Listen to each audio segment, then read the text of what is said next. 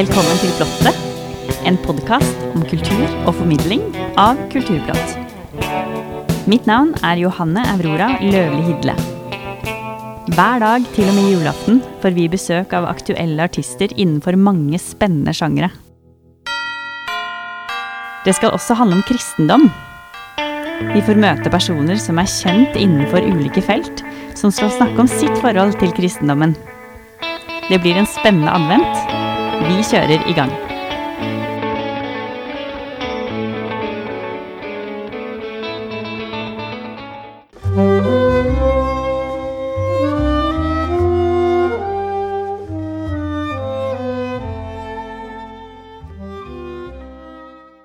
I dag har vi fått besøk av Inger Hannisdal. Velkommen. Tusen takk. Du er aktuell med debutplata di, North, South, East, West. Kan du fortelle litt om hvordan du har gått fram for å lage den plata? Ja, den plata har sin opprinnelse i et bestillingsverk som jeg skrev til eh, Global Oslo Music i 2021. Så veldig mye av musikken er skrevet i løpet av den eh, lange nedstenginga. Da satt jeg og skrev. Og um, den er ganske preget av at jeg nettopp hadde flytta hjem igjen til Norge etter å ha bodd ganske lenge i utlandet. Da var det nesten fire år i Frankrike og nesten fem år i Libanon.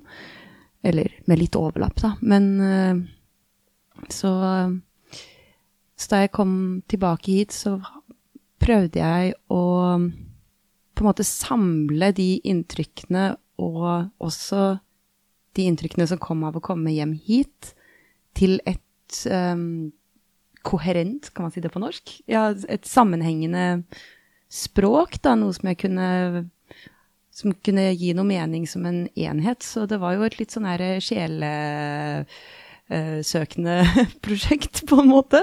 Og så det, man blir jo litt sånn også av å sitte i nedstenging og ha mange tanker.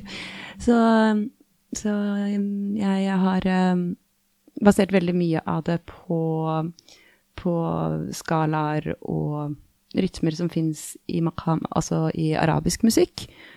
Men så har jeg Men så har det gått ganske langt bort fra det utgangspunktet, da. Men eh, det fins ganske mange likhetstrekk mellom en del moder i Midtøsten og i norsk folkemusikk. Så jeg har på en måte startet fra de overlappene, da, eller de tingene som på en måte er felles, og så har jeg skrevet låter med det som startidé. Så spennende. Kan du fortelle litt om eh, årene dine i Libanon, og hva det har gjort med deg som musiker? Jeg var i Libanon første gangen i 2012, og så kom jeg og gikk litt i 2013 mens jeg studerte i Libanon, nei, i, i Frankrike, unnskyld. Og så flytta jeg dit eh, på fulltid i 2014. Og da var det egentlig siste året mitt i Frankrike, og jeg gikk på sånn Midtøsten-program på Sciences Po, men så slutta jeg på det og så begynte å bare spille i stedet. Først så begynte jeg bare å spille litt i, i et band som heter Asa Alik, som var mitt store hjerteprosjekt mens jeg bodde, bodde, i Beirut. Eh, da var det en venn av meg som het Ahmad Nafori, som spurte om jeg hadde lyst til å være med og spille. Og på den tiden så var Asa Alik det bandet Det var litt sånn, sånn eh, fusion-aktig, men så spurte han også om jeg kunne være med og spille i noen eh, trad, sånn tarab-band. Jeg kunne ingenting. Jeg kunne ingenting. Det var ingen øvelser. Det var bare sånn rett på scenen. Og han satt ved siden av meg og sa 'Nå spiller vi, nå er det Bayati'. Jeg sånn, jeg vet ikke hva det er. Men det var veldig gøy, da, så jeg syns det var helt fantastisk å, å, spille og være med, oppleve den musikken. Og så hadde bare lyst til å lære mer. Så etter det så starta jeg på en skole som heter Antonie, eller Universitetet Anto... Ah, ah, jeg klarer ikke å snakke. Antonin uh, universitet, uh, som er i Babda. Det er liksom litt opp på fjellet ut av Beirut, men det er jo egentlig Beirut. Og studerte der i tre år uh, fiolin og arabisk musikk.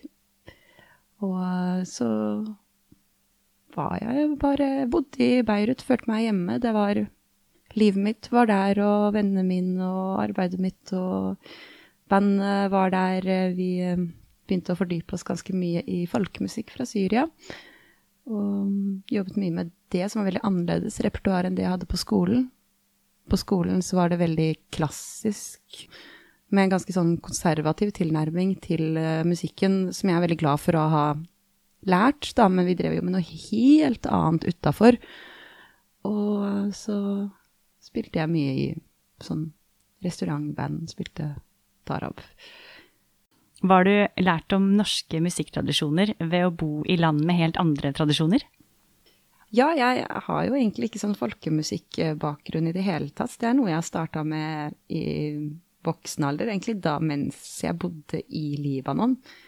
Det var sånn Begynte å få følelsene så utrolig rart, for jeg, jeg spilte jo klassisk og, og, jazz litt sånn parallelt mens jeg vokste opp, og så Og diverse former for improvisert musikk, og så var jeg aldri noe interessert i folkemusikk egentlig i det hele tatt. Så tenkte jeg så utrolig rart. Så utrolig rart at jeg har f.eks. bare at jeg har spilt fiolin i hele mitt liv og aldri vært noe interessert i å spille hardingfele, f.eks.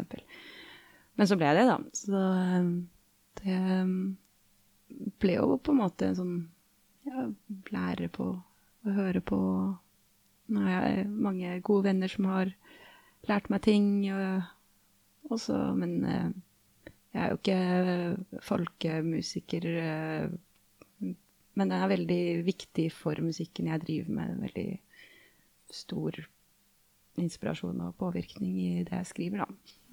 Hvis du tenker et tiårsperspektiv, hvordan er du som musiker i en sånn periode?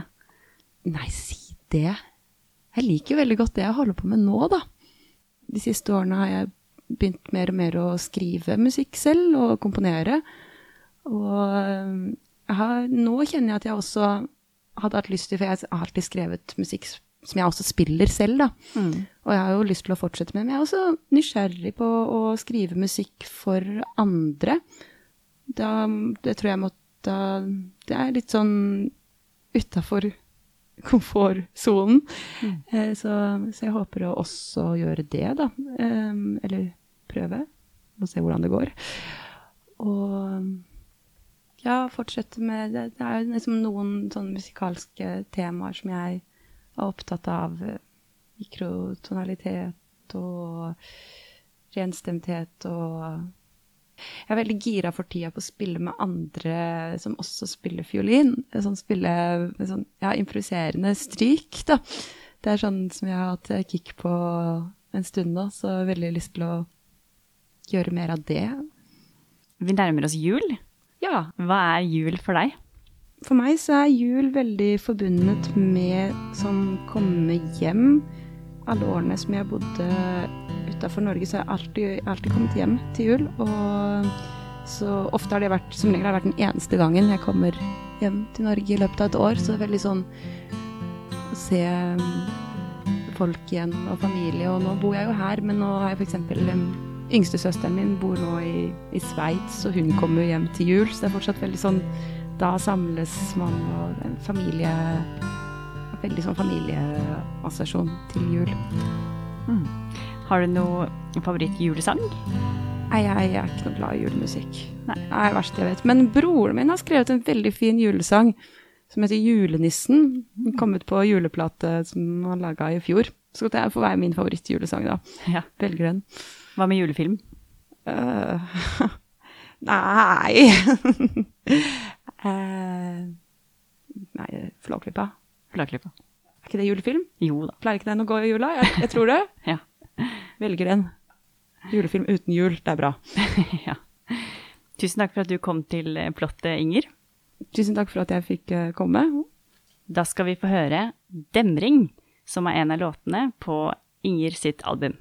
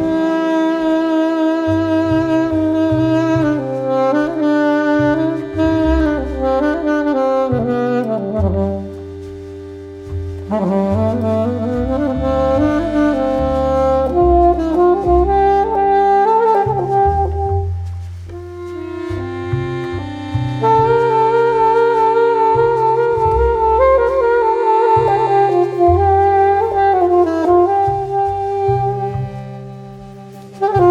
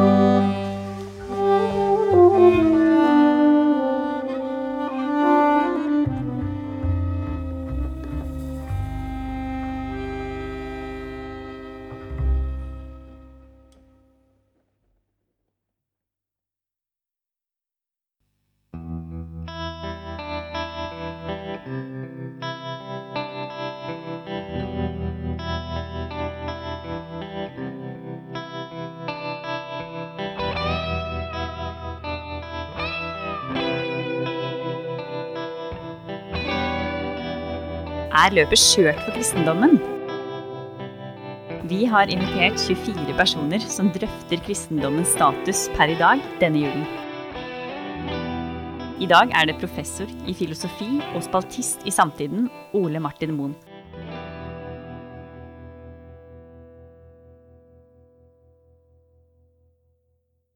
Jeg har jo brukt mye av det siste året på å ukentlig diskutere Bibelen med filosofkollega Einar Duenger Bøen. Der vi har gått fremover litt etter litt etter litt og diskutert oss gjennom noen nærmere 30 episoder, tror jeg.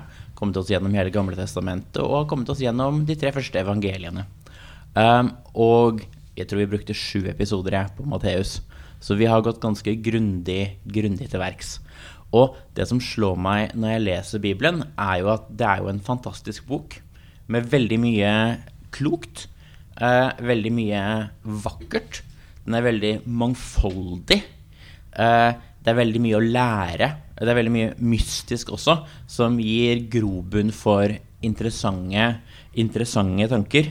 Så jeg vet jo ikke om det intellektuelt sett om det er helt på høyde med, med Platon eller Aristoteles. Det, det, tror jeg kanskje ikke jeg kan si. Men det er jo veldig mye mer tilgjengelig og veldig mye mer, eh, veldig mye mer jordnært. Og derfor en av de virkelig flotteste, tenker jeg, verkene som vi har fått overlevert fra, fra, fra fortiden. Og gitt at Bibelen er såpass flott, så er det jo eh, litt altså Gitt at Bibelen inneholder såpass mye, mye, flott, og gitt at det finnes kirker rundt om i hele, hele landet, og at vi har en egen utdanning, en presteutdanning, flere presteutdanninger, for å, eh, for å praktisere denne religionen, eh, gitt at dette har spilt en så sentral plass, gitt alle disse ressursene, så er det jo da litt, litt paradoksalt på en måte at kristendommen tilsynelatende er et litt synkende skip, eller et, eh, et eh, romerrike i oppløsning, eller en vaklende Goliat. Eh, det er, det er noe, noe, paradoksalt ved det, og jeg lurer litt på hva, hva er det som er, er, grunnen til det. Og det som nok eh, slår meg som en, en, en, en sentral grunn, er eh, at man ikke eh, søker å, å si, se forbi det konkrete som står der. Sånn som Paul Tillich f.eks. vil gjøre, å se gjennom det konkrete som hevdes, prøve å komme frem til kjernebudskapet. Eh, det har jeg, vil jeg ha veldig, veldig tro på. Jeg er, veldig, jeg er veldig fan av Jesus som en moralfilosof, f.eks. Men idet man kommer til en insistering på jomfrufødsler og på andre mirakler og på vann som blir til vin og på eh, at Gud overleverer ting, eh, tavler, til Moses, så blir det for veldig mange av oss, og slik ble det iallfall for meg, en, en eh, Det husker jeg fra tenårene, at dette her går det jo virkelig ikke an å tro på. Og da pusher man tilbake. Men tror dere faktisk på det? Så får man vite ja, det tror vi faktisk på. Vi tror at slik var det. Og da ble det fra min side uh, møtt med himling med øynene. Vet du hva, dette, dette, dette, går ikke an. Dere kan ikke faktisk tro på, tro på dette. Og så insisteringen på disse miraklene, ikke som bare noe som ble sagt da, ikke bare som et bilde på noe, men som faktiske sannheter, det Jeg lurer på om det henger sammen med at flere og flere eh, tilsynelatende anser kristendommen som som fryktelig vanskelig å tro på. Og kanskje også noe av det som gjør at Kirken, slik jeg ser det, mangler intellektuelt lederskap. Både i Norge og internasjonalt. Som jeg tror har litt med å gjøre at det som kunne vært intellektuelt lederskap i Kirken, har blitt skremt til andre retninger og til andre, andre standpunkter og steder å stå på. Fordi som det står på papir, hvis man skal tro på det direkte, som det ser ut som man blir oppfordret til, så virker det så mye av det da, så absurd. Selv om en del av det, og mye av det, jo også er så fint. Så, så det var på si, svaret på, på si, det første eh, spørsmålet om løpet er kjørt. Jeg tror på én måte det er kjørt. Iallfall hvis man skal tenke at ja, Bibelens ord konkret skal brukes. Skal, man skal tro på miraklene, man skal tro på det konkrete for å veilede oss i møte med bioteknologi eller samliv eller hva det skal være, i stedet for å ta et kjernebudskap eh, og heller fremme det. For det kunne man godt fått med seg en god del intellektuelle ledere på å gjøre. Um, når det kommer til om tro er relevant for mennesker i dag, så er det litt viktig at tro kan bety uh, ulike ting. Og om tro er viktig for oss i dag, hvis det er riktig, som, som vel Luther sier at vi frelses ved troen alene, så skulle man tenke at tro faktisk er kjempeviktig. Da er det svært viktig for oss, uavhengig av hva vi selv har av oppfatninger, eh, hva, vi, hva vi tror. Men tro kan bety mange forskjellige ting. Det kan bety å ha en oppfatning om noe. Men når man snakker om f.eks. tro, håp og kjærlighet, som man ofte ser på som, som kanskje, de, kanskje, de, tre største verdiene innenfor kristendommen, så har jeg litt mer tro på troen. Fordi eh, eh, det latinske ordet der er fide. Eh, og det betyr like så mye tillit eh, som det betyr det å ha en oppfatning. Luther oversatte det til eh, glauben, som altså å tro på i en veldig sånn bokstavelig belief-forstand. Men det kan også oversettes til å ha tillit. Og tillit tror jeg er særdeles viktig. Og hvis vi snakker om tillit, håp og kjærlighet, da tenker jeg vi er ved tre verdier som er kjempeviktige, som vi mennesker virkelig trenger. Vi trenger uh, håp. Håp forstått som ikke nødvendigvis en optimisme, men en tanke om at det er i hvert fall mulig da, at ting kan bli mye bedre. Kjærlighet som en eh, kjempeviktig ting i mellommenneskelige relasjoner. Og da tro som en form for tillit, som slik jeg forstår det, er noe av det som er Jesus sitt kjernebudskap også. Å forsøke å etablere et fellesskap av tillit mellom mennesker som er langt høyere enn hva som har vært tidligere. Eh, altså ikke et fiendskap, ikke et mistenksomhet, men et et, en dyp grad av tillit mellom mennesker. Og at det å klare å bygge det er noe av det viktigste som trengs for å få verden i en bedre retning, det tror jeg faktisk er helt korrekt. Så hvis det man mener med tro, er, er tillit, så tenker jeg at da er, det, da er det ingen tvil om at tro i en slik forstand er høyst relevant for dagens mennesker.